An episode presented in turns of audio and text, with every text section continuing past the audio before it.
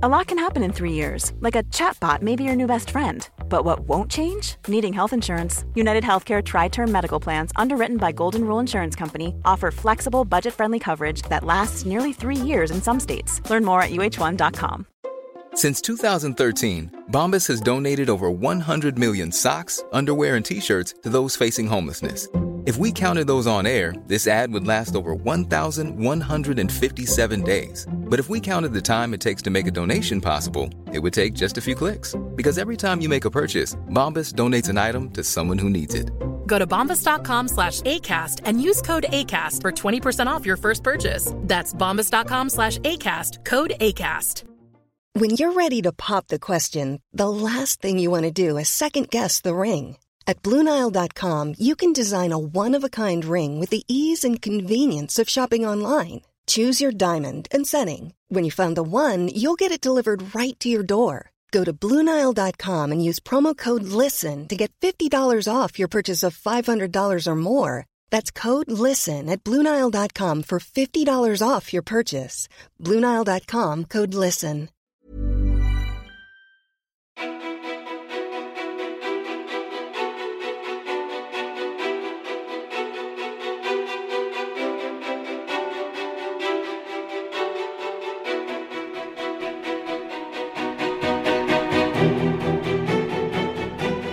Johanna Svicka är träningsprofilen som nyligen tog tjänstledigt för att ge sig själv ledigt och satsa på sitt egna.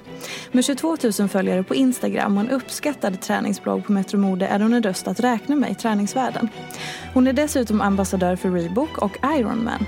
Och hon har såklart genomfört Ironman bara veckor efter en fruktansvärd cykelolycka som hade kunnat kosta henne livet. Joanna får dagligen hejarop och kommentarer om hur hon inspirerar med sin frisyr, sina beslut om att våga ändra sitt liv och sin träning. Och förutom modiga val och inspiration så berättar även Joanna om verkligheten. Hon berättade nyligen att hon drabbades av missfall och hon har skrivit om dödsångesten och panikångesten som kom med olyckan. Hur orkar hon fortsätta kämpa? Hur påverkas hon av sitt nya offentliga liv? Vem är egentligen Joanna Svicka? Varmt välkommen till podcasten Ofiltrerat med mig, Sofia Peterfia Ståhl. Hej! Hej! Jättefint intro. Tycker du Ja, det? det var jättefint. Det var så att jag fick äh, svälja ett par gånger för jag tyckte det var jättefint. Vad roligt Ja, att det, höra. det märks att, så här, att du har ändå lagt ner lite tid att skriva introt. Vad det roligt. uppskattar man. Vad fint. Mm. Ja men gud, det, jag tar det på stort allvar för att Mm. eh, sitta här och känna att jag har någonting att eh, möta er med Mm. som lägger er en tid på att komma hit och så. Så vad kul att jag uppskattar det. Mm. Men eh, berätta, var kommer du ifrån nu i, inte vad du har gjort utan var är du liksom i dig själv? Vad är jag i livet? Mm. Eh, just nu har jag landat i en väldigt eh, rolig tillvaro. Och en väldigt konstig tillvaro. Jag har aldrig, jag har aldrig, aldrig varit i det här. Det är väldigt nytt och spännande och jag, typ, jag känner lite så här, du vet, att man tassar fram hela tiden och känner sig fram. Och, eh, men jag varje dag så, du vet när man så här du går någonstans och så helt plötsligt så går du igenom ett rus genom kroppen, ett lyckorus. Och så, så bara påminns du om att så här, ja, ja, Ja. och så bara fortsätter du. Sånt får jag rätt ofta. Och jag påminner själv att, att det här är det bästa jag har gjort någonsin. Eh, Så att eh, ja, allting är väldigt spännande och väldigt roligt. Och, men också väldigt eh, skrämmande för jag vet heller inte var jag är på väg. Så jag är någonstans, jag är som på en väldigt, väldigt rolig fest. Där man inte vet vad som kommer hända på kvällen. Ja. Det är, det är där jag befinner mig just nu. Och för den som inte vet eller känner till vad det är du har gjort så har ju du förändrat ditt liv väldigt alltså drastiskt Mm. bara för ett par månader sedan. Berätta. Eh, nej, men jag har ju alltid jag har ju jobbat eh, med mitt heltidsjobb, och det, det jag egentligen gör eh, hela tiden. Och sen så har jag haft mina sociala medier vid sidan om och, och det har ju varit som en, en, en rolig grej men som hela tiden har växt. Och det har tagit lång tid men den har så här sakta men stadigt växt och växt och växt. Och sen eh, har jag ju väl i början av 2018 så insåg jag att jag kommer inte orka hålla på så här länge till. För att jobba 200 procent och sen så har jag min, min 10 till 12 timmars träning i veckan. Alltså det, det funkar bara ett visst tag. Då sa jag så här, jag bara, men jag kör på under våren. Och sen så får jag väl se vad jag gör. Om jag kanske så här, går ner i tid eller om jag kanske drar ner faktiskt på mina sociala medier. För då var det, ja, ja, jag kan inte hålla på så länge till med detta. Så att jag köttade på där i våras och eh, där och då, då kändes det bra. Men nu i efterhand så inser jag att det var fan inte bra. På vilket sätt då? Alltså, att gå upp fem för att hinna träna innan kontoret klockan åtta. Och sen sitta med rätt tunga arbetsuppgifter. Jag ledde en offentlig upphandling själv. Jag, det, det liksom krävde saker. Jag höll ju fortfarande på att klättra eh, för en tjänst på SOS. Mm. Eh, och sen eh, då jobba samtidigt med mina sociala kanaler. Så att alltid något event eller jobb med Frankation på kvällen. Och sen så kommer jag hem där vid åtta och så ska jag vara en, en flickvän. Mm. Eh, så att, äh, nej, alltså, och, och, så höll jag på varje dag. Oavsett om det var helg eller vardag. Hela tiden. Och hur påverkas du av det? Eller hur påverkades du av det? Alltså, jag, jag är ju väldigt glad att jag gjorde det för jag hade aldrig suttit här då om jag inte hade gjort det. Men det var väl inte, jag var ju stressad. Mm. Och det märker jag, jag får ju betala för det nu. Alltså nu, det är därför jag så här, jag var ju en halvtimme tidigt i det här. För att jag blir så stressad om jag är sen, om jag inte hinner med. Så att jag märker ju att jag, alla val jag gör på det sättet. Och sen, förhållandet blev ju inte jättebra av det. Nej. Um, alltså ditt och Kalles förhållande? Ja, mm. det är ju, alltså, ja det, han, fick, han har fått bita ihop och mm. verkligen eh, bara se igenom det. Men, men kunde, hade ni liksom en bra dialog så att han förstod vad du mm, ville med det? Eller ja, bara så, hände det? Det bara hände men samtidigt han han förstod samtidigt som han, han blev ju sårad för att jag prioriterade inte honom på det sättet. Nej. Så att, eh, ja nej. Så det var en, en bra men inte bra tid. Mm. Kan säga. Men kan du känna att det liksom är som att, för när jag kan uppleva ibland att saker så här, i den här världen mm. också med sociala medier så mm. kan det gå så jädra fort. Ja. Så att ibland så sveps man liksom Exakt. lite omkull och så börjar men gud vä vänta ja. nu vad händer ja. nu lite grann. Ja och, och också så här ser man, läser man på alla andra så är det ju någonstans Alltså, det är ju typ bara i Stockholm där man har så många bollar i luften. Mm. Det är ju det. För pratar jag med mina vänner som inte bor här och kanske inte är i sociala medievärlden. De bara så här, du gör mer på en vecka än vad jag gör på ett år. Mm. Och då, ja, men, men man är ju mitt inne i det. Eh, nej men, och sen så då var jag med om den cykelolyckan i, i slutet på sommaren. Eh, och fick en eh, brutal dödsångest av den. Mm. Eh, och jag, jag eh, skulle vara sjukskriven i åtta veckor. Jag kom tillbaka efter två. Körde Ironman efter fyra. Mm, eh, ingenting jag, det är ingenting jag så här, är, alltså jag står ju för det men jag rekommenderar det verkligen inte. Och jag hade inget stöd från min omgivning eller mina läkare. Men jag visste att om jag inte gör det så kommer jag aldrig göra, eh, tävla igen genom det. Alltså jag var mm. tvungen, lite som du vet när man trillar av hästen mm. upp igen. Alltså jag var tvungen att göra det för mitt mentala. Och jag visste ju redan att jag kommer ju aldrig genomföra det på någon tidsmån jag har tränat för. Och, och jag tänkte så här, du har lagt ner alltså, 12 till 14 timmar i veckan på just det här A-tävlingen. Mm. Eh, alla andra tävlingar som har varit fram tills den tävlingen har varit förberedande. Och du har lagt ner så mycket och sen så helt plötsligt så bara rycks det bort. Så jag var så här, men jag gör den. Jag, jag får ju krypa runt banan. Mm. Eh, men jag gör den bara för att jag någonstans ska ge det till mig själv att jag har gjort det. Eh, så att de lappade ihop mig så bäst det gick och sen så det är så jävla brutalt. Jag gick tillbaka när jag läste, just när jag gjorde min research. Ja. Och så här, för att jag hittade dig eh, första gången i och med den här cykelolyckan. Mm, mm. Eh, och var så här, jag såg den här bilden som dök upp i det här när man är på ja. sökfältet ja. i Instagram och massa människor dyker mm. upp. Och så såg jag din bild från sjukhuset och bara, men gud vad har hänt här? Mm. Och så började jag följa mm. och läsa och så började åh oh, herregud vad alltså det här var så mm. hemskt och allting. Och så började men vänta nu, nu, nu gör hon Ironman. Hon har ju jag bara, vad hände här? Och sen träffades vi eh, på ett tåg Ja, eh, från Out West. Göteborg och liksom pratade lite Ja. och du berättade och sådär. Men det är så jävla sjukt för då gick jag tillbaka igår och satt och läste dina inlägg om det här igen.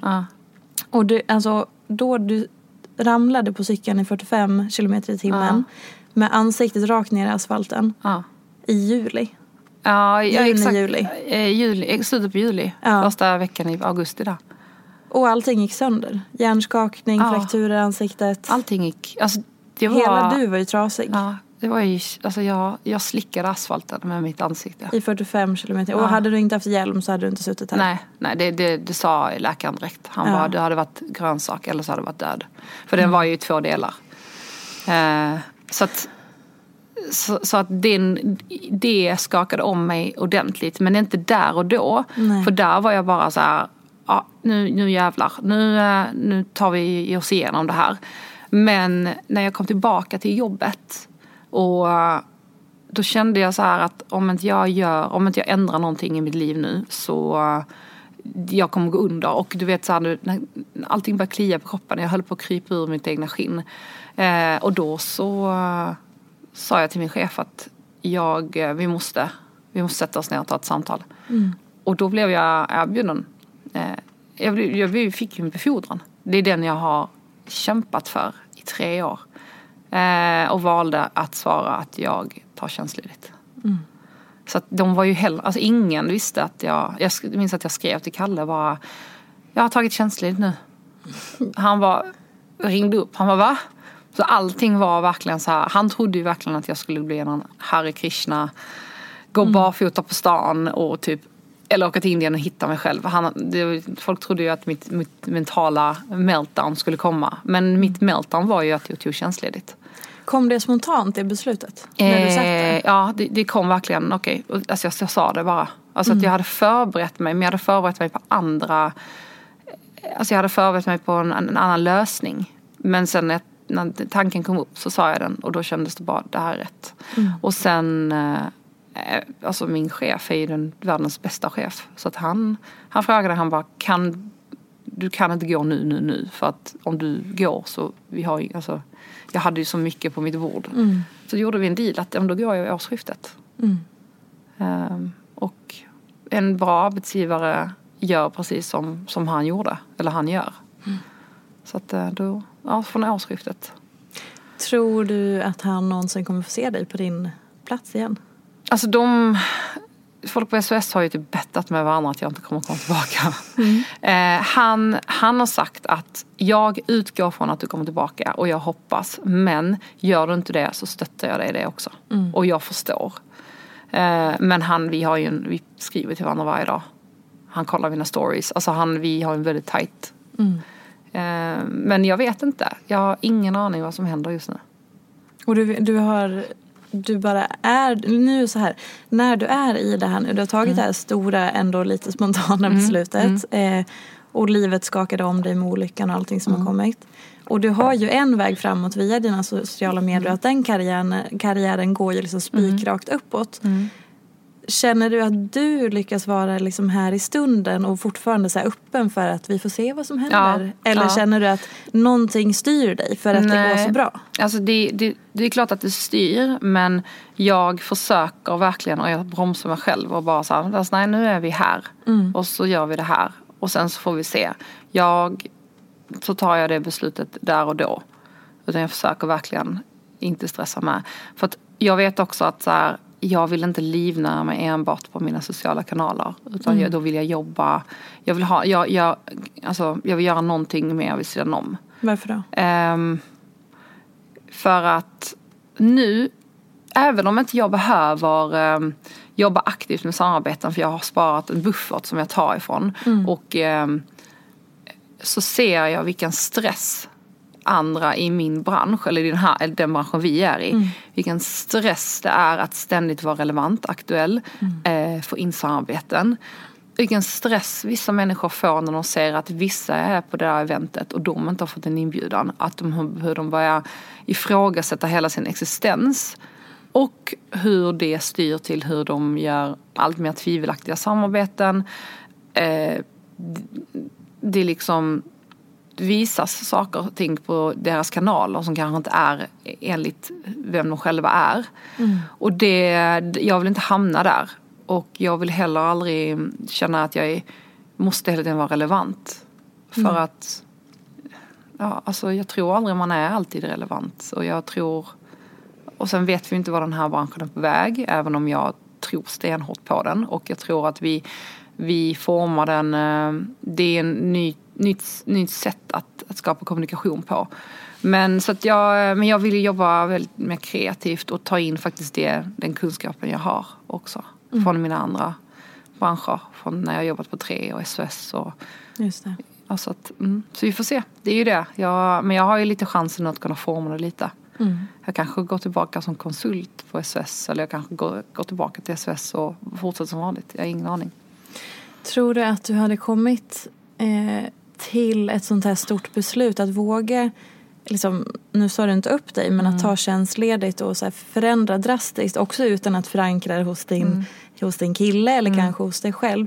Om inte den här olyckan hade hänt. Mm. Ja, fast det hade tagit längre tid. Mm. Jag fick lite ändan ur vagnen Mm. Och, och jag tänkte också så här, jag blev lite så här, okej, okay, vad kan gå fel? Allting som har kunnat gå fel har ju typ precis mm. gått fel.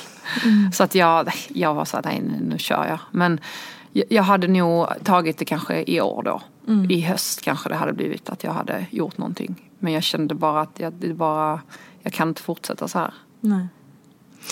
Nej, en annan sak som jag inte visste, trots mm. att jag tänkte att jag är nog ganska påläst om dig, det var det som hände när du var 16. Mm.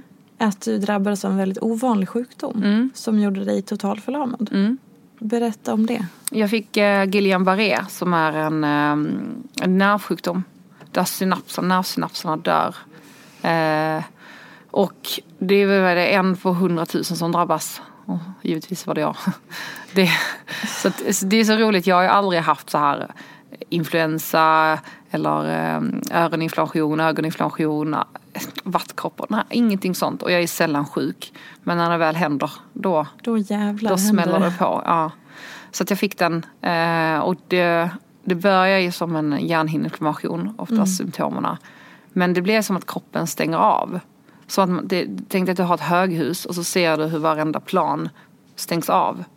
Det blir mörkt. Kände du det då fysiskt under mm. en tid eller bara hände det ja, men, eh, Jag minns att jag höll på att sälja min ponny då och vi var iväg och jag, jag var på en tävling och skulle tävla honom och visa upp honom. Mm. Eh, och jag märkte liksom att så här, du vet när man hoppar så reser man upp i salen. Mm. Att, att jag inte kom upp i salen.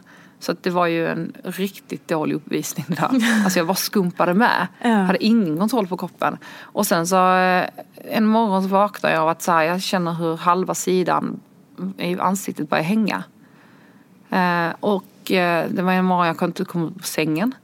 Och mamma och de trodde att det var hon är, hon, nu, hon, nu agerar hon ut för att hon egentligen inte vill sälja ponnyn, att jag var ledsen. Mm. Eh, och jag så här, fick stötta mig när jag skulle ut och hämta hästarna. Att jag så här, fick dra mig längs staketet för jag inte hade, hade ingen styr på kroppen.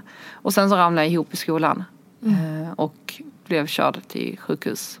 Och då hade ju allt lagt av. Så då hamnade jag i koma och sen så blev jag uppvak och då var jag förlamad.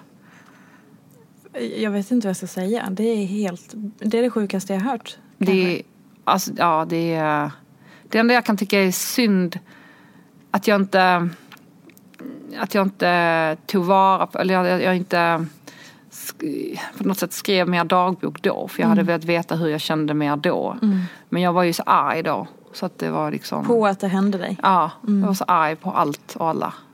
Men uh, Alltså det, ja, så att jag missade rätt mycket från andra ring på skolan. Och, och vad, fick du, vad sa läkarna till dig när du vaknade? De sa att de inte riktigt visste vad de höll på att testa. Så jag fick gå igenom massa olika tester för att se vad det här var. Jag fick göra ett, eh, ett el, elchockstest. Att du så här, de ger dig en, en, en stöt här uppe. Och så mäter de hur lång tid det tar innan du eh, ger utslag i fingrarna till exempel. Så det är hur långt nerven, hur lång tid det tar för nerven att reagera på det här. Mm. Och då märkte de ju så att det hände ju ingenting.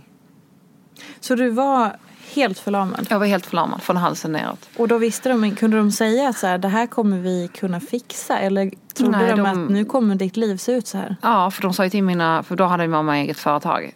Och de sa ju, de bara, du kanske ska förbereda dig på att kanske låta någon annan gå in i företaget eller sälja av och börja handikappanpassa huset. Åh herregud. Så att det var lite som ett avsnitt av House.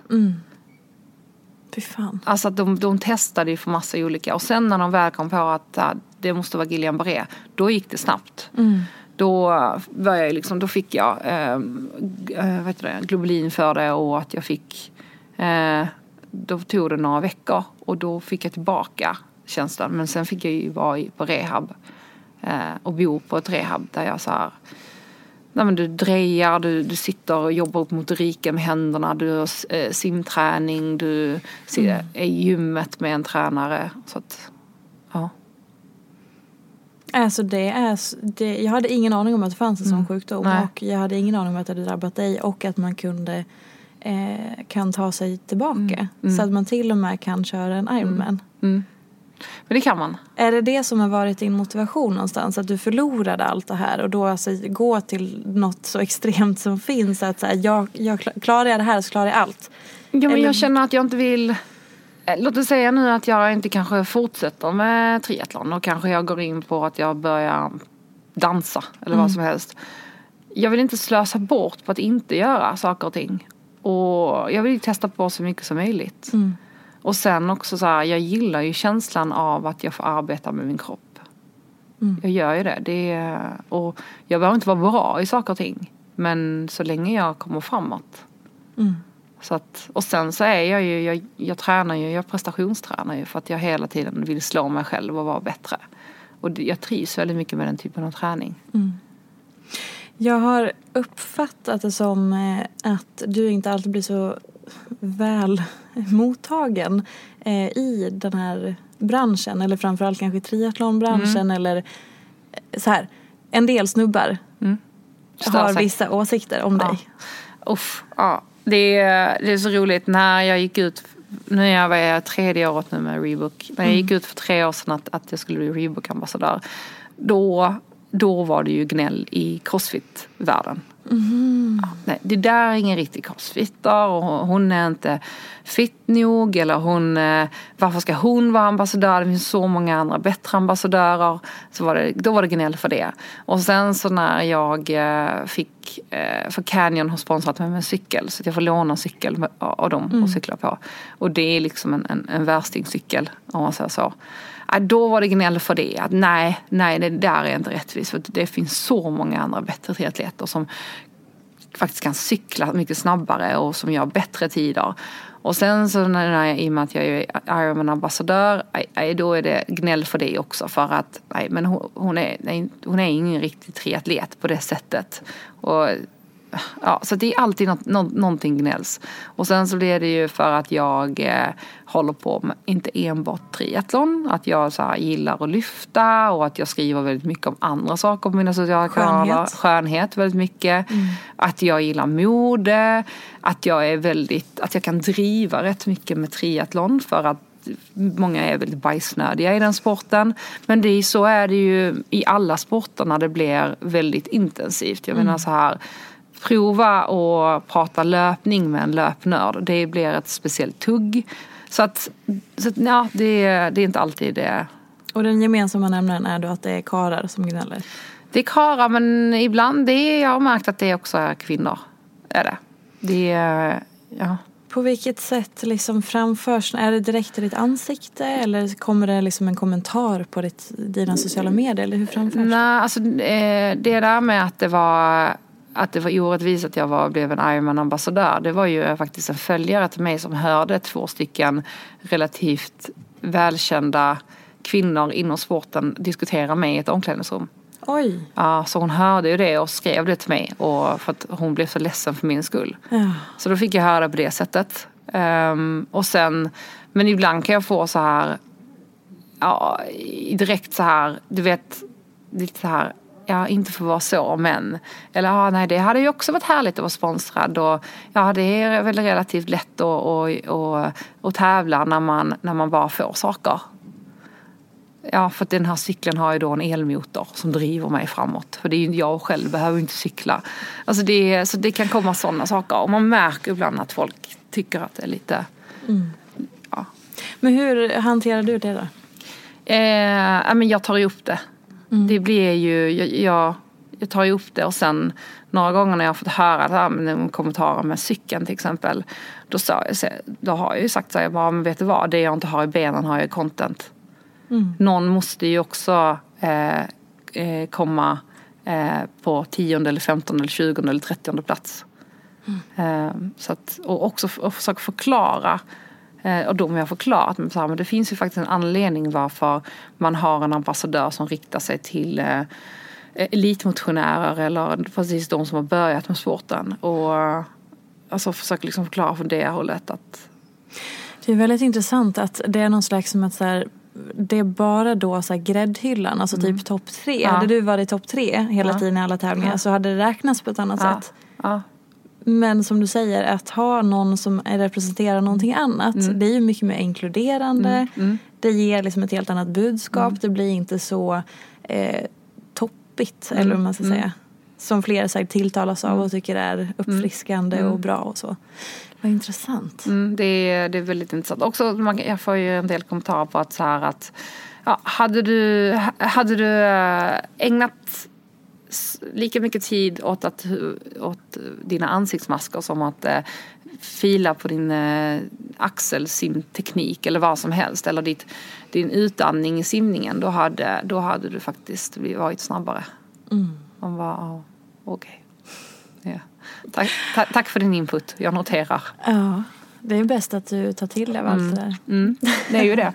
Och sen också så här, och sen är det ju väldigt provocerande när jag då sitter med en, med en, med en, en cykel för 60 000 från Canyon och mm. jag eh, liksom får då, eller, eh, får då äh, tävla Eh, och att jag, eh, jag, menar, jag har Reebok i ryggen. Att jag då kan sitta och säga, ja fast jag är ju inte ute efter en pallplacering. Mm. Det blir ju fruktansvärt provocerande. Men det. det, ja. Det är ju någonting med Ja, dels är det ju aspekten att så här, du är en kvinna som mm. får eh, mm. ta plats, synas ja. och höras och liksom vara ett ansikte utåt för sporten och ta mm ta den platsen mm. för mm. andra män kanske. Mm. Eh, men sen också att inte sträva efter att vinna. Mm. Det är ju inte riktigt okej. Okay. Eller att, strä, att inte sträva efter att vara bäst mm. eller eh, snyggast om man skulle vara det. Men du vet, att inte vara liksom så i toppen. Och också kunna uttala det. Mm. Det, är, det, är för, det är ju provocerande. Det är väldigt provocerande. Många. För att folk får inte det gå ihop med tanke på hur mycket jag tränar och mm. hur hårt jag pressar mig i träningen. Men det handlar ju om att så här, jag gillar ju prestationen och jag gillar att träna och ge allt jag har. Men sen, och det är klart att så här, jag, vill ju, jag vill ju hela tiden att mina tävlingar ska gå bättre än förra gången. Men jag har ju aldrig haft något så här, jag ska vinna eller jag ska komma det här eller jag ska komma topp tre. Nej. Jag har ett mm. annat fokus när det kommer till tävlingen. Mm. Och jag blir väldigt obrydd och jag vet ju så här att också inom triathlon det spenderas, spenderas så mycket tid och att diskutera andras tider. Mm. Och eh, det, jag är så här, ja okej, okay, men jag bryr mig inte. För att jag, det enda jag fokuserar på mig själv. Ja. Men tror du att man måste stå ganska stadigt för att kunna vara liksom, obrydd gentemot andra mm. och att ha, liksom, stå kvar i ditt, det du har bestämt mm. att det här vill jag ha och det här är bra för mig och jag skiter i allting annat. Jo, och det utmanas jag ju varje dag. Hela tiden. Mm. Hela tiden får jag gå tillbaka och bara, nej men vad är, vad är det min ståndpunkt är? Vad, liksom, vad, vad känner jag? Vad tycker jag? Nej okej. Okay. Och sen hela tiden. Mm. För att man blir ju hela tiden lockad till att så här, man dras in i någonting. Mm. Och så får man hela tiden backa och bara nej, nej, nej. Och samma sak i din nya värld, om jag får säga mm. din nya ja. värld. Att ja. så här, det sociala medier-livet som Exakt. influencer också, eller träningsprofil mm. och sociala medieprofil. Där om något är det ju på exakt samma sätt. Ja, ja, ja. ja. Skitsnack, ja. jämförelse, prestation, mm. bedömning. Mm nu fick hon göra det precis mm. som du sa. Nej, jag blev inte bjuden där och mm. hela det här. Mm. Det är en väldigt svår värld att vara Det är en jättesvår värld.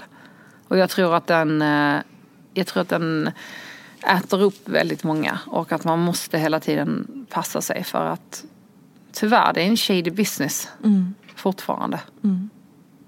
Men hur, liksom, från att du började vara i en del i den här världen där det också började bli så att du fick uppmärksamhet mm. och förfrågningar och mm. så fram till nu mm. när det går väldigt bra. Mm. Hur, liksom, hur har du påverkats av det här och hur känner du liksom att du formas och ja, mm. helt enkelt, hur påverkas du av det? Alltså jag har ju det som, jag är fortfarande inte vant med vid att folk vet vem man är. Nej. Och jag, eh, jag kan tycka ibland så när vi åker tunnelbanan så, så kan jag märka att någon sitter och kollar på en.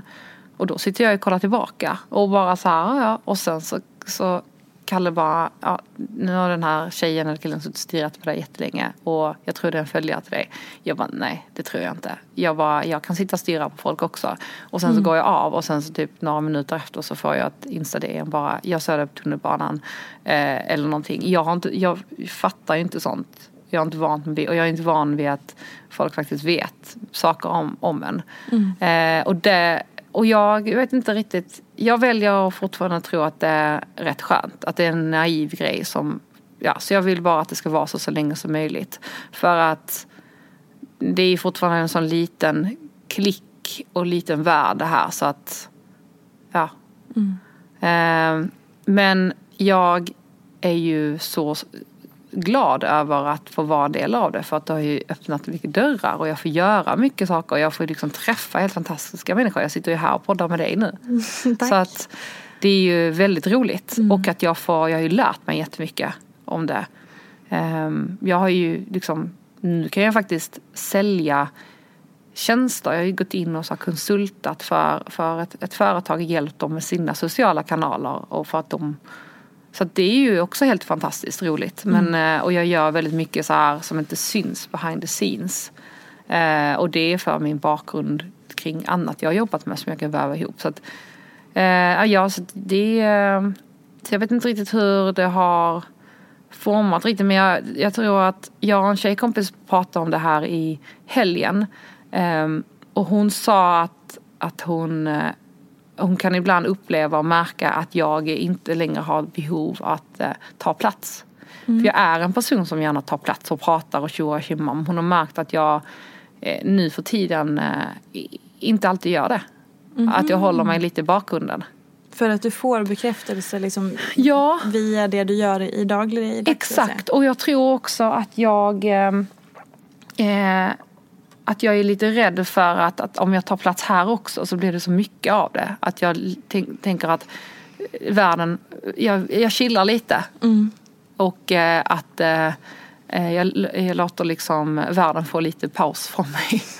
Men är du rädd för att du ska liksom bli för mycket eller att folk ska tycka att du tror att du är något? Ja men det tror ju folk redan. Så det bryr jag mig inte om. Men, eh, men nej men jag tänker bara så här att eh, jag vet inte riktigt om det kanske är att jag har blivit äldre, att jag inte riktigt känner att jag behöver det. Mm. Eller att jag faktiskt är mycket tryggare nu idag om vem jag är. Så när jag väl har någonting att säga, då säger jag det. Men sen ibland så orkar jag, har jag faktiskt ingenting att säga, så då säger jag ingenting. Hej, jag Ryan Reynolds. Recently, I asked Mint Mobiles legal team if big wireless companies are allowed to raise prices due to inflation. They said yes. And then when I asked if raising prices technically violates those onerous two-year contracts, they said, what the f*** are you talking about, you insane Hollywood ass?" So to recap, we're cutting the price of Mint Unlimited from $30 a month to just $15 a month. Give it a try at mintmobile.com slash switch. $45 up front for three months plus taxes and fees. Promoting for new customers for limited time. Unlimited more than 40 gigabytes per month. Slows. Full terms at mintmobile.com.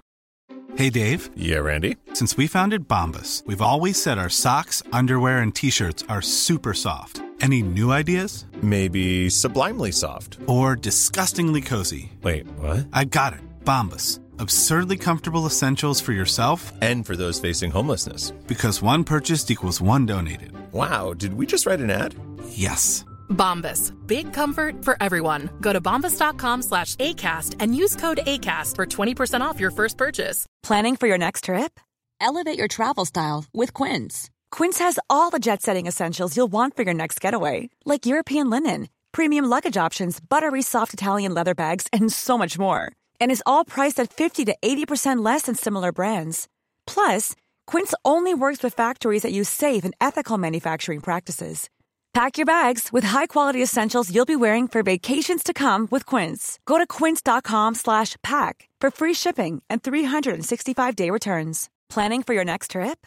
Elevate your travel style with Quince. Quince has all the jet-setting essentials you'll want for your next getaway, like European linen, premium luggage options, buttery soft Italian leather bags, and so much more. And is all priced at 50 to 80% less than similar brands. Plus, Quince only works with factories that use safe and ethical manufacturing practices. Pack your bags with high-quality essentials you'll be wearing for vacations to come with Quince. Go to quince.com slash pack for free shipping and 365-day returns. Nej. Ehm, Varför tror folk att du tror att du är något? För att jag eh, oftast har någonting att säga. Att jag tar mycket plats och jag tjoar och tjimmar och att jag eh, eh, Vissa ämnen pratar jag väldigt mycket om och att jag liksom så här eh, Alltså det är ju det, har man, har man någonting att säga om mycket så blir det lätt så. Mm. Och att jag ja, men just tar upp det här att, att, att med tävlingar och hit och dit att eh, folk är så här, man, åh gud vad pratar om sin, sina jävla tävlingar, hon vinner inte ens. Till Mm, exempel. Så att, eh, ja. Vad intressant, för det här leder in mig på, igår så skrev du som en liten anekdot i ett blogginlägg att eh, eh, min kompis Elin hatade mig första gången. Jag tror att du skrev hata, det var Ja, ganska hon- starkt. jo, hon alltså, hatade mig. Avskydde eller Hon sa hatade. att den här människan får aldrig någonsin komma i närheten av mig igen. Okej, kan du berätta om det? För jag tycker det var så intressant, för nu är ni supertajta. Ja. Det är hon som även, eh, när vi pratar om det här med att jag eh, ställer mig längst bak i rummet. Mm, Det är hon mm. som observerat det här nu. Just det. Ja, men för, för tre år sedan så, eh, det här är en, en min, min killes killkompis är tillsammans med en, eller gift idag med en, en, en tjej. Mm. Och det där är hennes barndomskompis från Enköping. Och eh, jag hade varit och eh, cyklat Siljan runt. Eh, sen kört ner från Mora och eh, liksom så här, cyklat 16 mil. Jag var hypad. Kommer hem, slänger in- cykeln. Klockan är typ nio den lördag. Eh, byter om. För att jag har ju en grej att jag alltid går ut efter tävling. Alltid, Ah, alltid, alltid. okej, ja. Eh, och är hypad, tar bussen bort till eh, mina vänner då som har grillfest och då är det Erika och Micke som har det. Och min kille är där, alla är där. Och jag är så hypad och så kommer jag in och det första jag hör är Håkan Hellström. Och jag hatar Håkan Hellström. Och jag bara så här tar upp och vad jag filmar i min story. Jag bara, vad fan är det här? Och så, och så lite humoristiskt så filmar hon. Och så kommer jag in och jag bara, Svicka is in the house! Och så står hon där och tänk dig för en person som aldrig har träffat mig förut. Så kommer någon jävla idiot och för det första filmar och typ sänker folk som lyssnar på Håkan Hellström. Ja. Och sen bara, jag är här nu, festen kan börja. Mm, alltså, jag hade ju också hatat mig själv. Och de som känner mig, de bara, ah, Svicka, fan vad kul. Medan då de från Enköping, hon, och Elin har ju själv sagt, eh, hon sa ju det, hon bara, ja men det handlar ju också mycket om mig själv. För jag var en osäker person då. Så det är klart att hon fann att jag avskydde dig för att det, jag blev ju osäker av det. Ehm, för vi pratade mycket om så här hur man hur upplevde vissa saker. Så att hon bara så här, vad fan är det för idiot? Och sen under hela kvällen så hade jag ju bara så här, pratat om det och pratat om det och sprungit omkring som en pingpongboll. Och hon hade gått fram till då Erika och bara sagt så här, du, jag vill aldrig någonsin att den här människan kommer på någon fest som vi är på. Och vad är det för jävla Oj, hon, idiot? to- hon verkligen gick igång. Alltså hon hatade mig. Att, ha- alltså hatade mig. Hon bara, hon tror att hon är någonting, glider in här med sina hö- höga klackar och bara tog så mycket plats och, och sen så, ja. För då var ju ändå ni kompisar. Alltså Nej, genom vi- era... Ja, exakt. Ja. Och sen så då så gick det typ ett och ett halvt år så skulle Erika gifta sig och då så var vi på samma bröllop. Så eh, under kvällen så står vi i den här baren och så kommer hon fram och så hälsar jag och så säger hon, hon bara Alltså jag, jag ogillar dig så jävla mycket. Hon sa det till Ja, dig? och jag bara, "Ha, oj, varför det? Och så började vi snacka. Och så redde vi ut och då sa jag bara, då, hade, då förklarade jag för henne att jag, jag kom ner och var hypad för att jag hade tävlat. Och just det, hon sa så här, "Ja, så glider du in tre timmar för sent till en fest och tror att du äger. Jag bara, "Ja, men jag var satt ju en bil på väg ner från Mora. Så jag, jag, jag förklarade ju min syd, synvinkel. Och sen så bara pratade vi och sen så hade vi världens roligaste kväll. Och sen dess har vi liksom varit vänner. Mm. Men det var inte förrän nu när hon hängde med till Toscana förra våren. Då vi bara så här klickade. Vi umgicks hela veckan. Och så Mm. nu var hon med i Krakow. Och eh, vi har liksom, hon är en väldigt, väldigt känslig person. Och eh, ja, det är, ja, vi har ju liksom funnit varandra där. Men hon sa det, hon bara, du var den vidrigaste människan. Jag, så. Men hon bara, det, och nu i efterhand när hon har blivit starkare i sitt psyke Mm. så inser hon också att det var ju på grund av att jag var så svag själv och osäker så att jag klarade inte av det då. Mm. Och jag bara, jag kan förstå det. Mm. Så att eh, vi har pratat jättemycket om det. Men vad, hur var det för dig att här, någon kommer fram och bara jag ogillar dig så jävla mycket? Ja, men det först, jag var så här, ja, jag tycker jag är ganska skön. Men sen så blev jag så här, jag vill, ju, jag vill ju alltid veta vad det är. För jag vill ju alltid bli bättre. Och jag vill ju verkligen vara den bästa versionen av mig själv. Och om det är så att någon verkligen så här, du har gjort fel. Alltså jag vill ju veta om jag gör fel så jag kan göra det till, till något bättre. Så att jag var verkligen så här, jag tog ju åt mig och blev, jag blev inte ledsen för att jag är så här, fast nu har jag uppenbarligen gjort någonting fel så jag kan inte bli ledsen utan då får jag ju så, ta tag i det. Men jag blev eh, väldigt ställd. Ehm, men jag älskar ju den typen av, av kommunikation. Jag tror ju att allas relationer, jag tror att världen hade blivit mycket bättre om vi faktiskt vågade bara säga, vet du vad, jag tydde upp när du gjorde det där. Istället för bara säga, vad är det? Ingenting. Eller är du sur? Nej. Nej. Att, att, att våga liksom så här. Men har det hänt dig tidigare då? Att, eh, så här, I och med att du är, om du, som du säger, du, gill, liksom, du är trygg, du tar mycket plats, du kan uttrycka dig, du kan diskutera när du står för någonting och sådär. Så har det hänt dig tidigare när du var yngre? Eller så här, är du van med att folk reagerar på Ja, hur du är? Eller så? ja jo men det är jag. Det är jag. På vilket sätt då? Jag är van vid att, att eh, folk alltid har haft någon form av åsikt av mig, om mig. Det har aldrig varit så här, ja hon är väl skön. Utan det har alltid varit en viss åsikt. Så här, shit hon är skithärlig eller ja, hon har starka åsikter eller hon är dryg. Alltså det har alltid varit någon av specifik åsikt. Jag har ju aldrig varit så här, någon i mängden. Ehm, Även när du var yngre och växte ja, upp så? ja. Men hur, hur, vad, vad gör det med dig då? Att man, du får liksom inte vila utan du ska så bedömas eller folk ska tycka och tänka och så. Har du känt att du behöver då så här det är kanske nog därför jag, jag har ibland bara så här, jag har inte sagt någonting. Mm. Vilket också så här, jag märker att folk reagerar på. För de har så här, är det någonting? Jag bara, nej, nej, jag bara sitter här och är tyst. Så här. Mm. Och det är något nytt för mig, men det är väldigt skönt. Det är det. Mm. Ehm, men jag känner också samtidigt så här, jag gillar ju den jag är. Jag gillar ju att vara på det här sättet. Och nu när jag är så här, jag, är 30 år gammal och jag har ändå hittat de människorna som gillar det med mig också. Eh, och då, då känns det så här, då får vi hela tiden på sträva på att vara, vara en snäll person. Och sen är det klart att vissa gånger så kanske man kanske det, man säger kanske något dumt eller man, man reagerar på något konstigt sätt ibland men det gör ju alla människor så att Men hur var det då när du växte upp? Mm, när jag växte upp. Alltså jag var...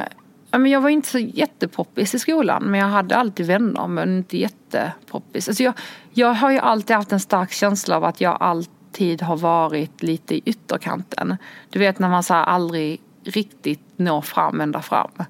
Så här, om, om alla andra hade coola gul och blå jeans då hade jag kanske lite för korta från jeans. Alltså du vet, så här, det hade aldrig riktigt går ända fram. Typ på det sättet. Så att jag eh, nej men alltså så här, hängde jättemycket i stallet, hästtjej. Um, upp, uppvuxen på landet, älskar det. Är ju liksom, älskar hela lasta in hö, alltså vara med hästarna. Det är ju det jag eh, trivs bäst med. Men eh, flyttade hemifrån när jag var 18 in till lägenhet i stan. Och var världens festprisse. Alltså där, jag drack inte en droppe tills jag var 18. Och sen, alltså, sen satte det igång. Sen spårar du ur? Ja, det, spår, alltså det spårade ut ordentligt. Jag eh, ja, men jobbade som så här, lite mingelfotograf, jag bloggade på den tiden. Eh, jag eh, var ute onsdag, torsdag, fredag, lördag. Alltså, det var ju knappt, alltså så här, jag, alla mina pengar gick åt att, att, att festa, ha kul. Och, det var, och då hyrde jag lägenhet av min mamma. För hon har alltid haft en lägenhet åt oss i stan. Men alltså, fan, alltså. Hyran var alltid sen, oj hoppsan hej. Alltså jag hade, jag hade ingen ansvarskänsla överhuvudtaget. Varför var- inte då? Varför, alltså hur?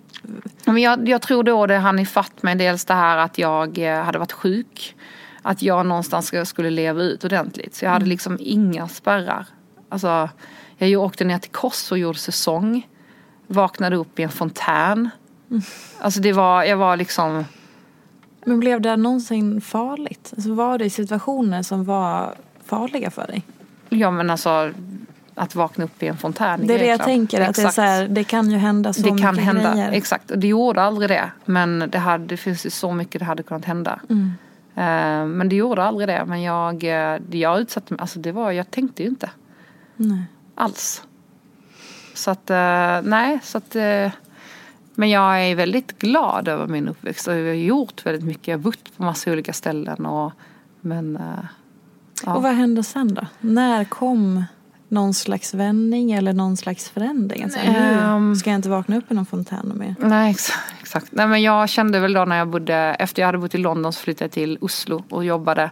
Och kände väl där då att, att okej jag eh, måste väl göra någonting med mitt liv.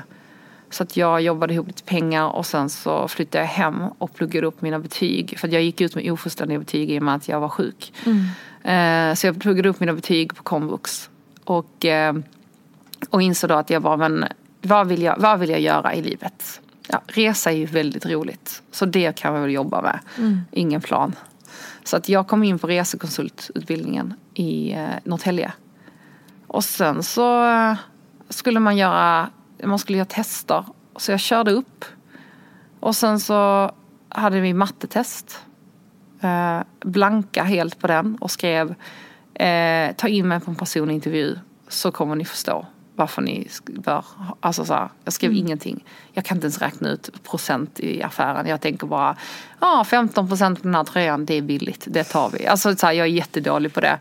Eh, så då, men så hade jag personintervju som gick jättebra och blev antagen. Och så då tog jag mitt pick och pack och flyttade till Norrtälje. Och det var där någonstans jag bara så här, ja nej men nu, nu får vi bruka lite allvar. Och det var där jag började träna. Ehm, ja. Hur... eh, Alltså när man, när man hör en sån vändning, Mm. att så här, okej men livet var lite kaos, Mm. lite, eh, ja men kanske obalanserat och det var något, som att du inte var riktigt på den platsen som Mm. du menade att vara på. Och så när man berättar om så här, sen vände det och Mm. så blev det bra och nu sitter jag här och så. Då blir man alltid så här, gud vad inspirerande, vad peppigt Mm. och, och sen bara men vad fan, så enkelt kan det inte ha varit. Men så här, hur, om du så här, lyfter någonting som också påverkade dig där som var så här, det här var så jävla kämpigt under den här perioden. Alltså jag hade ju en pojkvän på den tiden eh, och planen var ju någonstans att jag skulle flytta ner igen. Eh, men jag insåg där att jag var nej, jag vill ett inte ha förhållande, jag vill två inte vara tillsammans med honom eh, och jag vill vara kvar här.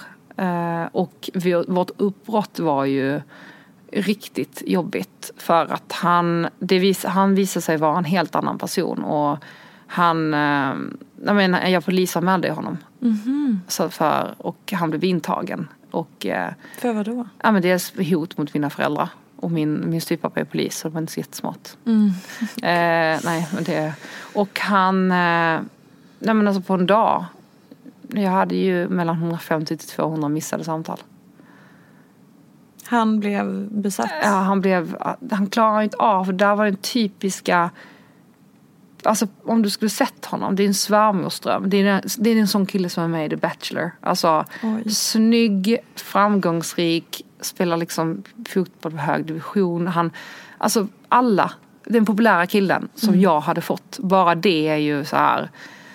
Ja, jag, hade, jag fick aldrig populära snygga killar. Och, eh, och vi var tillsammans men han klarade inte av att jag inte ville mer. Att jag bara så, nej vet du vad, jag är kvar. Jag, jag är liksom, jag är 24 år gammal. Jag, okej, okay, lifet börjar nu Mm. i Stockholm. Så att han, eh, det, det, liksom, det twitchade för honom. Så att eh, sen så när vi gjorde slut och då i samma veva och han höll mig liksom på halster hela tiden. Han sa men jag kommer flytta upp, jag kommer flytta upp. Så jag liksom bodde runt på folks soffor. Jag, liksom så här, jag, jag tappade en av mina bästa vänner. Hon bröt med mig på allt strul med honom. Och när jag väl när jag väl låg där och, på soffan och bara så här, gud, han har ju sagt att han ska komma upp och vi kollade på lägenheter och han bara, nej den här var inte bra, vi kollar nästa lägenhet. Så han höll mig hela tiden på halster men han hade aldrig tänkt att komma upp, han hade precis signat ett nytt jobb där nere. Eh, och då gick jag och köpte jag fick ha ett lån av mina föräldrar för handpenningen. Eh, för halva, handpan, han, halva handpenningen fattades. Så jag fick ta ett lån. Och så gick jag och köpte min första etta i Midsommarkransen. Och då skrev jag, jag bara, jag har köpt en lägenhet. Eh, det är min lägenhet. Jag har insett att du inte kommer upp. Nu, det, nu räcker det. Eh, och sen så det, det tog mig ett år för att hämta mig från den relationen. Alltså han, det var ju, Men fortsatte han sen då? ja ja. Hans beteende? Ja, gud ja. Han, eh, han, eh, det var så roligt. han hörde av sig till min dåvarande chef och skrev att jag hade narkotikaproblem. Men va? Det, alltså det helt, helt... Vad hände då med din chef? Alltså hur reagerade hon, din chef? hon, vi var ju bra vänner. Ja. Var, så att hon var visade mig det här och så, så bara skit i honom. Alltså det, Mm. nej men han försökte liksom Hotade han även dig? Han hotade mig, ja gud ja. Jag hade ju polisanmälan så att det var Och hon som hanterade det idag, Nina Rung Som jobbar med de här. Mm. Så att hon blev ju tillsatt på det här Eh, för, för att hon jobbar just med sådana här ofredanden mot kvinnor Mm. Så att eh, Ja och han Det var, det var bara så synd För att jag träffade honom några, dag, några, mån, eller några år efter Eh, jag tror det var, jag träffade honom för två år sedan. Eh, för då var jag nere på ett jobb i Malmö och då var jag på Sats i Västra hamnen. Eh, och ser honom på gymmet och jag, alltså jag, det var så obehagligt så att jag fick ju backa. Men sen insåg jag att jag, bara, men jag är på ett fruktansvärt bra ställe i livet och han har gått vidare, jag har gått vidare och så att jag gick fram och hälsade. Och han bara, ja, det, jag ser, det ser ut som att det går jättebra för dig och det är kul att se dig. Och så här. så det, det var inget mer med det. Och det var så skönt. Men det var inte så att han bad om ursäkt? Nej, för jag tror aldrig han riktigt förstod riktigt så här. Han, han, man såg på honom att han var ångerfull men det kom aldrig till det. Men det gör mig ingenting. Jag tycker, jag är- tycker inte han är... Alltså jag ogillar inte honom någonting och nu vet jag att han så här har... Han har egentligen, det enda han ville var ju att flytta tillbaka till Sjöbo och ha hus och, och barn och leva det livet. Och han har det nu och jag är glad för hans skull. Men han var inte mentalt stabil där och då. Och, eh, och där, ja. Så det tog mig, jag var ju, tog mig ett år och liksom vara så här.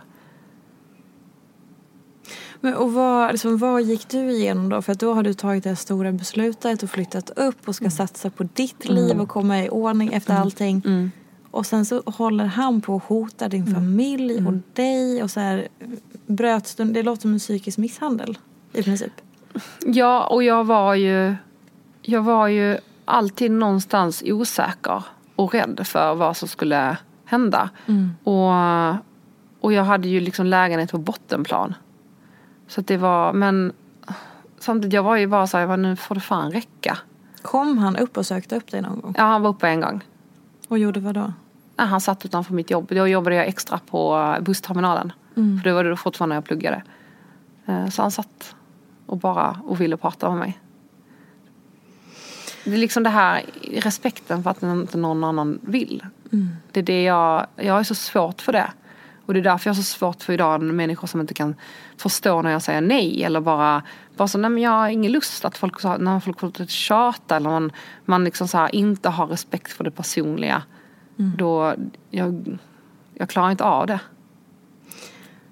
Du har liksom en du kanske hade en stor integritet Mm, innan mm. men det är som att du har tvingats, Mm. också lite kan jag tänka mig för varje sak som har hänt dig i livet. Mm. Din sjukdom Mm. med allt vad det innebär och sen den här händelsen med den här killen och sen cykelolyckan och Mm. nu så kommer sociala medier och folk vill alltid ha någonting. Mm. Det är som att din integritet måste liksom, Mm. Du måste Ja, och jag- skydda dig själv. Ja, och jag märker också så här, jag är ju väldigt bjussig och öppen och inkluderande. Men jag märker ju att jag kan vara, uppfattas ibland som väldigt hård. Mm. Eh, och väldigt så här skarp. Och det har ju min kille ibland sagt till mig, bara, "Ah, men alltså så här, han bara, ja men det är inte så konstigt att, att folk reagerar när du, du kan låta väldigt barsk ibland. Och då blir jag så fast i vilket sammanhang låter jag barsk? Är det när jag verkligen behöver vara barsk, då är jag barsk. Men Mm. annars, alltså, då är jag ju väldigt glad och allting är fine.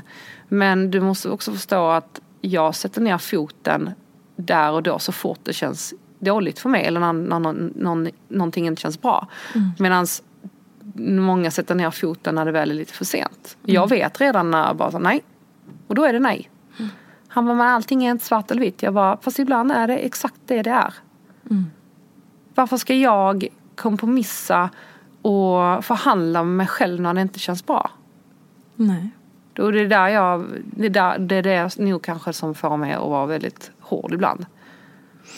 Vad intressant. Jag tänker också som kvinna så ligger det en förväntan på att man ska inte vara man ska egentligen låta folk gå lite för långt Mm, in mm. för att man ska vara liksom följsam och mjuk och varm och härlig. Men det det är så intressant för att när du säger att här, du kan uppfattas som hård. Första gången jag träffade dig så var det inte att du var hård men jag, jag märkte att det var så här, någonting. Men nu så förstår jag att det var din integritet som jag uppfattade. Och det är så här, jag själv har saknat integritet väldigt mycket i mitt liv och låtit folk kliva rakt på mig. Så att jag uppfattar väldigt snabbt när någon har stark integritet. Och dras också till. Jag lever med en man med otroligt mycket integritet. Men just som du säger, om man då inte har koll på integriteten så kan man ju uppfatta det som hård. Exakt. Eller Och- att man inte är så här varm Nej. och mysig. Men det är ju integritet. Det kan ofta bli missförstått. Ja, det är det missförstått. För jag, det, är ju, det har jag också tänkt på väldigt mycket så här att jag bara så här, jag har min integritet men jag vill också att folk snabbt ska förstå att det inte är någonting att så här, det är inte så att jag står och synar någon eller inte vill släppa på utan det är Nej. bara den jag är. Och det har jag ju, tänker jag på väldigt mycket för jag vill inte att folk ska känna sig obekväma. Men sen när man väl så här, känner mig då vet man ju så här, det enda jag vill är ju att, det enda jag vill är att, att, att ligga i någons knä, att någon ska pilla mig i håret. Eller jag är väldigt, jag är väldigt intim, jag vill ta på folk, jag är väldigt kramig, jag är väldigt så här. Medans samtidigt som jag är väldigt så här, oh, okej, nej, nej, nej, nej. Jag kan bli väldigt Ja. så här, men för de jag känner och de jag tycker om, då är jag ju verkligen, mm, pat me. Du är som en katt. Jag är som en katt. För katter har också Ja. stor integritet och sen så när de är Ja. så här i ett Ja. bra element då bara viker de, visar de Exakt. magen och bara jag Ja. vill klia mig. Exakt, men jag kan ju också vara så här, usch människor. Och jag tycker ju att så här, det är dårar överallt. Men Oh ja. så att ja, det är ju någonting, men det är ju någonting jag också måste tänka på ibland att så här, och det, det kan ju vara något litet som att så här, om jag är bland nya människor och man, du vet när man känner lite på varandra och man hälsar och så här, att bara det att jag tänker lite mer bara på att le, då har jag redan där öppnat in till lite. Men ibland så kan jag vara så här, jag står och liksom observerar och ja okej. Men är det inte intressant också att man måste hela tiden anpassa sig? Man får Mm. inte Återigen som kvinna, för det är skillnad Ja. på kvinnor och män. ja, ja. Och jag blir så jävla förbannad på det. Men just att så här, som kvinna så måste du ta det ansvaret. Så här, Exakt. Mm. du måste tänka på att le. Du har en hög integritet. Du har fått höra från folk att så här, du tar så mycket plats och jag, jag hatar dig. Eller vad hon sa. Då måste du så här, oh gud, nu ska jag liksom balansera min integritet här och Ja. le lite mer när jag är i det här sammanhanget. För annars kanske de tycker att jag är en bitch. Precis. För att män som inte gör det, de får höra att de får pondus. De bara, nej men det är, han, han har karaktär, han är en stark ledare. Man bara, fast jag är lika stark ledare hon, som, som han. Och det sjuka är ju att vi kvinnor går ju i samma fälla. För att då vi kvinnor som uppfattar någon eh, som, som inte liksom bjuder in. Då blir jag också så här, jaha men Va, hallå? Alltså för att vi har samma förväntan. Så det är ju inte bara så att männen lägger en annan förväntan. Nej. Utan samhället i stort, alla individer. Vi har lite svårt att hantera eh, olika typer. Det är jätteintressant. Och sen så att just att så här, det påverkar dig som person och alla andra såklart. Mm. Ja, men det är skönt nu för att nu är jag verkligen väldigt trygg i det. Och, också, och jag kan tycka ibland att så här att ja men folk får själva också anstränga sig lite. Mm. Ehm, Verkligen. så att eh, ja och, och det och jag kan ibland så här man kan sätta lite press på på ja men jag sätter ju lite press på mina följare till exempel. Mm. Och så att ja. Men du, ja, för du gillar då ibland lite så här, jag ska inte säga eh, vad, så hur ska jag formulera, alltså spetsa till det. Mm. Och skoja till det och du kan vara ganska ironisk och ganska Mm. Ja, ja. så. Och det är ju lite farligt i text. Det Inte farligt men det utmanar. Det är- För det är inte alla som nej, uppfattar det. nej. nej, nej, nej. Det är... Blir du ofta missförstådd? Ibland kan det bli missförstånd. Speciellt folk som har hittat hit på senare tid. Mm. De förstår liksom inte riktigt att jag driver. Och jag driver ju rätt mycket. Och jag driver ju väldigt mycket med mig själv. Eh, och nej, det, det förstår folk inte. Samtidigt som jag kan bli det ligger så mycket, det ligger så mycket ansvar på oss influencers. Eh, att vi måste vara förebild och vi ska tänka på det och vi säger det och vi, vi gör det. Samtidigt så har du som eh, mottagare, det är ditt ansvar. Du, du kan inte lägga över allting på sändaren utan du som mottagare har, har ett ansvar på vad du läser, vad du tar in, hur du hanterar den informa- informationen. Ta bort personen, blocka, stäng ner om du inte klarar av att hantera det. Men du, man kan inte sitta, jag läste någon som, eh, alltså jag läste någon, vad fan var det? Jag tror det var Bianca eller någonting. De hade haft någonting i deras podd. Och sen hade någon tjej skrivit så här. Jag hatar dig, du, du har gjort så att jag får tillbaka mina ätstörningar. För att de hade pratat om någon pizza. Och då är jag så här, absolut hon når ut till väldigt många unga människor, ja. Men du kan inte lägga det ansvaret på henne. För du söker aktivt upp hennes podd, du söker aktivt upp hennes sociala medier. Du lyssnar att så här, du har också ett eget ansvar. I och med tanke på att vi, tank, alltså vi, vi liksom, vi får så mycket intryck varje dag. Så du måste själv lära dig att sortera också. Och det blir väldigt problematiskt om det blir ju problematiskt om vi som jobbar med sociala Mm, medier, har stora sociala medier, liksom inte får vara människor längre. Nej. Mm. Utan att vi ska in i den här perfekta förebildsmallen där vi också då visar upp ett ideal som Mm. är perfekt. Alltså helt felfri, inga åsikter som är obekväma, inte ifrågasätter någonting. Så vad blir vi för typ av då förebilder? Mm. Precis. För det är ju helt osannolikt Mm. att man skulle vara en sån perfekt människa som gör rätt i alla lägen och som kan ta alla sorters ansvar och så. Mm. Det blir också, då sänder man ut massa fel signaler Mm. kan jag tycka. Nej, så det är, jag, kan, jag kan bli lite less på den här hetsjakten bara för att man är lite offentlig. För ehm, ja, jag är så här, det var lite enkelt. Antingen följer du eller så gör du inte. Stäng ner. Men eh, jag eh, tycker att det ansvaret ligger på båda. Såklart, definitivt. Mm. Gud, vi eh, måste avsluta Ja, snart. oj jäklar. Det har redan gått en timme. Exakt. Shit. Jag var säga, jag har massa saker mer jag vill fråga om. Ja. Men eh, ja, vi får stanna här. Mm. Vill du avsluta med någonting? Eh, nej, men jag är jätteglad för att komma. Det är skitkul. Tack för att du ville komma. Mm. Det var så spännande. Tack. Men eh, följ nu Johan, Joanna i alla sociala medier. Ja, Johannas Vika finns överallt. jag finns överallt. Nästan. Jag älskar dig. överallt. Du kommer aldrig bli av med mig. Exakt. Och förhoppningsvis så finns du länge till. Ja, exakt. Man Så vi vet aldrig. Du har ju bara börjat egentligen. Ja, det, men jag känner mig fortfarande som att jag är typ sist på bollen. Men, Nej. men ja, det är roligt. Vi får, se. vi får se vad som händer med hela den här världen år. Vad tror du? Kan vi få en framtidsspaning? Jag tror att ehm, det som nu har varit hett väldigt länge, alltså perfekta bilder och eh, lite mer magasinigt, eh, det kommer gå tillbaka till hur det en gång började. Att bilderna kanske inte är lika skarpa. Det är väldigt mycket behind the scenes. Eh, det vardagliga livet, det tror jag är på väg tillbaka kommer vara mer. Och sen så tror jag också att man kommer se att eh, de profilerna som levererar mer än att bara vara en klädgalge exempelvis. Det är de som kommer att bestå. Mm. Um, det, och att eh, jag har märkt att, så här, att, att för några år sedan så var det ju, man ville helst gärna inte ha en åsikt för att då är det risk att ett visst företag inte vill jobba med en. Man kanske inte blir bjuden på just det eventet. Det är en viss klick man ska umgås med. Mm. Det håller också på att så här, nu, nu skiter lite folk i det. Mm. Um, så att eh, ja, jag tror att vi kommer gå tillbaka back to basic igen. Jag hoppas det. Mm, jag hoppas också Och jag tror faktiskt att bloggarna kommer leva kvar. Mm. Jag var lite orolig där för ett år sedan. Men eh, jag tror faktiskt att de kommer leva kvar. För att det kommer komma tillbaka. Det här vardagliga kommer komma tillbaka. Mm. Och man vill ha någonting mer än bara en perfekt snygg bild. Exakt. Även så är det ju fortfarande de perfekta bilderna som går bäst, upplever jag. Alltså, det är i alla fall de som får till ytan mest engagemang, alltså mest likes. Då är det ofta en selfie eller en mm. supersnygg instabild. Mm.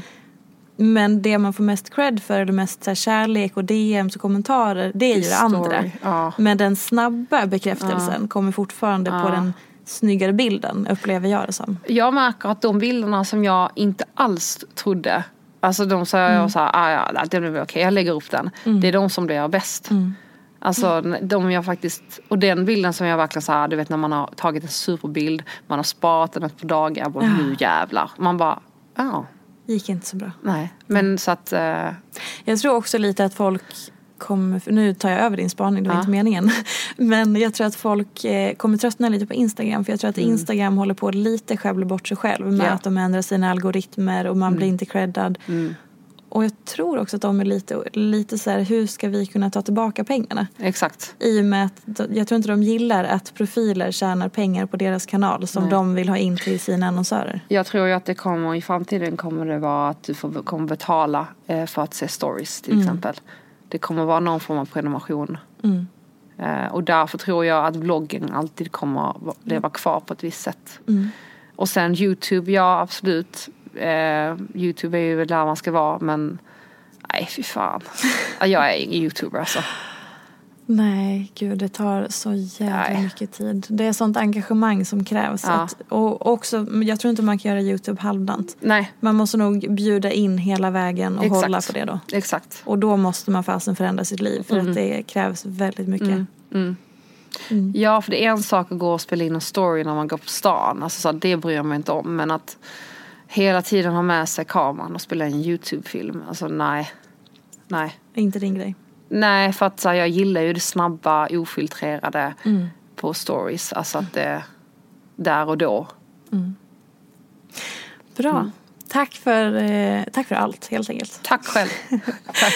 Vi ses och hörs nästa vecka. Puss och kram, hej då. Puss och kram, hej hej.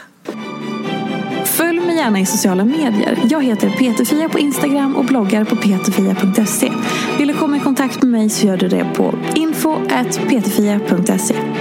Jag vill rikta ett stort tack till Acast för studie och stöttning och ett stort, stort tack till geniet Elin Sjödén som klipper den här podcasten.